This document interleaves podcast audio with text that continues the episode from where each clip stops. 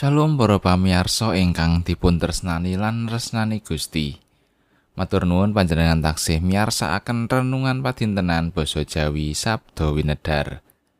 Monggo sesarengan kita kegilut sabdanipun Gusti. Dinten menika waosan kapendet saking pangentasan bab kalih dosa ayat setunggal ngantos pitulas. Ngengingi dosa titah ingkang dipun paringaken Gusti dumateng bangsa Israel. Sumangga kita ndedonga. Gusti Allah Rama kawula kasuwargan. Kawula para abdi paduka sowan marek ing ngarsa paduka. Ngaturaken panuwun syukur awit sedaya berkah lan pangrimat saking paduka tumrah ing gesang kawula. Sakmenika Gusti, kawula badhe nampeni sabda paduka. Kawula mugi paduka sagetaken lan kiyataken nindakaken sabda paduka menika ing gesang sadinten-dinten. Tasih kathah dosa kelepatan ing gesang kawula Gusti. Mugi paduka kersa ngapunteni. Sedaya panyuwunan kawula menika kawula unjukaken linambaran asma dalem Gusti Yesus Kristus. Amin. Pangentasan bab kalih dosa ayat setunggal ngantos pitulas. Gusti Allah banjur ndawuhake sake pangandika iki. Ingsun iki Yewah Gusti Allah ira, kang wis ngentasake sira saka ing tanah Mesir ing tanah pangawulan. Sira aja nduweni Allah liyane ana ing ngarsaning sun. Sira aja gawe reca utawa tetira ning apa wae kang ana ing langit dhuwur utawa ing bumi ngisor, apa dene kang ana ing banyu sangisoring bumi. Sira aja sujud utawa ngabekti marang iku. Awit dene ingsun Yewah Allah ira, iki Allah kang sujanan, kang males kaluputane bapa marang anak putune. Turun ping telu lan ping pat tumrap wong kang padha sengit marang ingsun. Nanging kang nandukake se palimirmo marang wong pirang-pirang ewu, ya iku kang padha tresna marang ingsun lan tepi pepaken ingsun. Sira aja nyebut nyawiyah asmaning Yewah Gusti Allah ira. Awit dene pangeran Yewah mesti mastani luput marang sadengah wong kang nyawiyah marang asmane. Sira elinga marang ing dina sabat sarta sira sucekno. Nem dina sira nyambuta gawe lan nglakonana sapa gawean nira kabeh. Nanging dina kapitu iku sabate Pangeran Yewah Gusti Allah ira. Ing dina iku sira aja nyambut gawe. Iyo sira, iyo anak ira lanang lan wadon, iyo batur ira lanang lan wadon, dalasan kewanira. Apa dene wong liya kang ana ing papan panggonanira.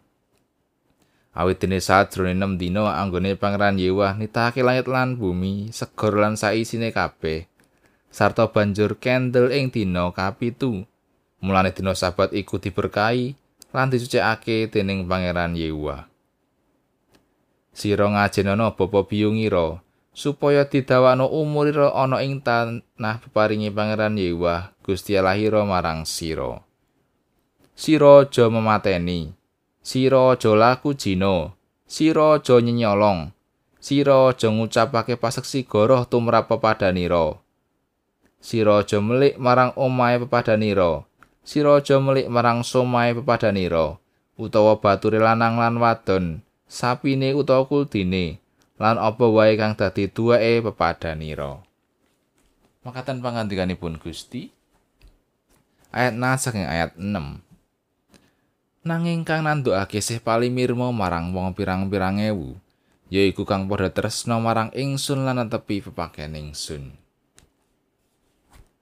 Kasetyan kita wonten ing ngarsanipun Gusti menika asring ewah gingsir. Kasetyan kita asring manut dening kawontenan ingkang nembe kita adepi. Nalika ing gesang kita kados-kados mboten wonten perkawis kita gadah semangat ingkang makantar-kantar ananging kosok wangsulipun. Nalika ing gesang menika nembe ngadepi perkawis, kita nglokro lan kesupen dateng sih palimirmanipun Gusti. Gesang kita mboten uwal saking samukawis perkawis. Teman kata tiyang ingkang tundanipun kagungan pamanggih menawi Gusti nilaraken gesangipun. Menapa leres Gusti asring nilaraken gesang kita? Temtunipun boten. Sih palimirmanipun tansah binabar ing gesang pagesanganipun manungsa. kados ingkang binabar tumrap bangsa Israel ingkang katuntun mekdal saking siti pangawulan tumuju dhateng siti prasetyan. Bangsa Israel piniji dening Gusti Allah dados umat kagunganipun menika tanpa syarat. Ananging sasampunipun piniji dening Gusti Allah, Gusti ngersakaken supados setya tuhu netepi pepakenipun.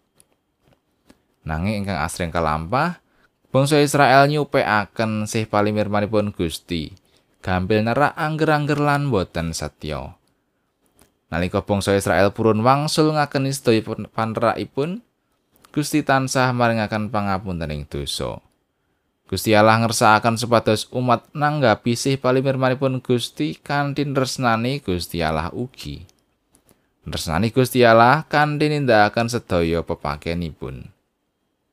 Para sederek, kasetyan kita ing ngarsanipun Gusti prayogi boten gumantung kalian kawontenan ingkang nembe kasandang. Kadosta margi rumpil ingkang kedah kaambah, kasangsaran, sesakit, lan menapa kemawon kawontenanipun kita kedah tansah setya. Awit panjenenganipun tansah setya, nuntun lan ngamping-ngampingi gesang kita. Pramila sampun sakmestinipun kita gesang tresnani Gusti Allah kanthi netepi pepakenipun. Amin.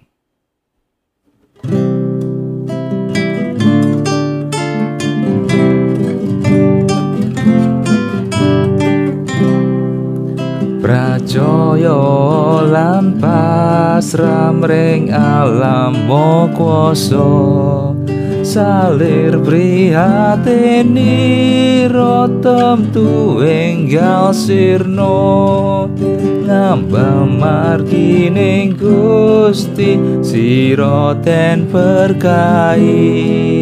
Dan santo kabejan tatan kawirangan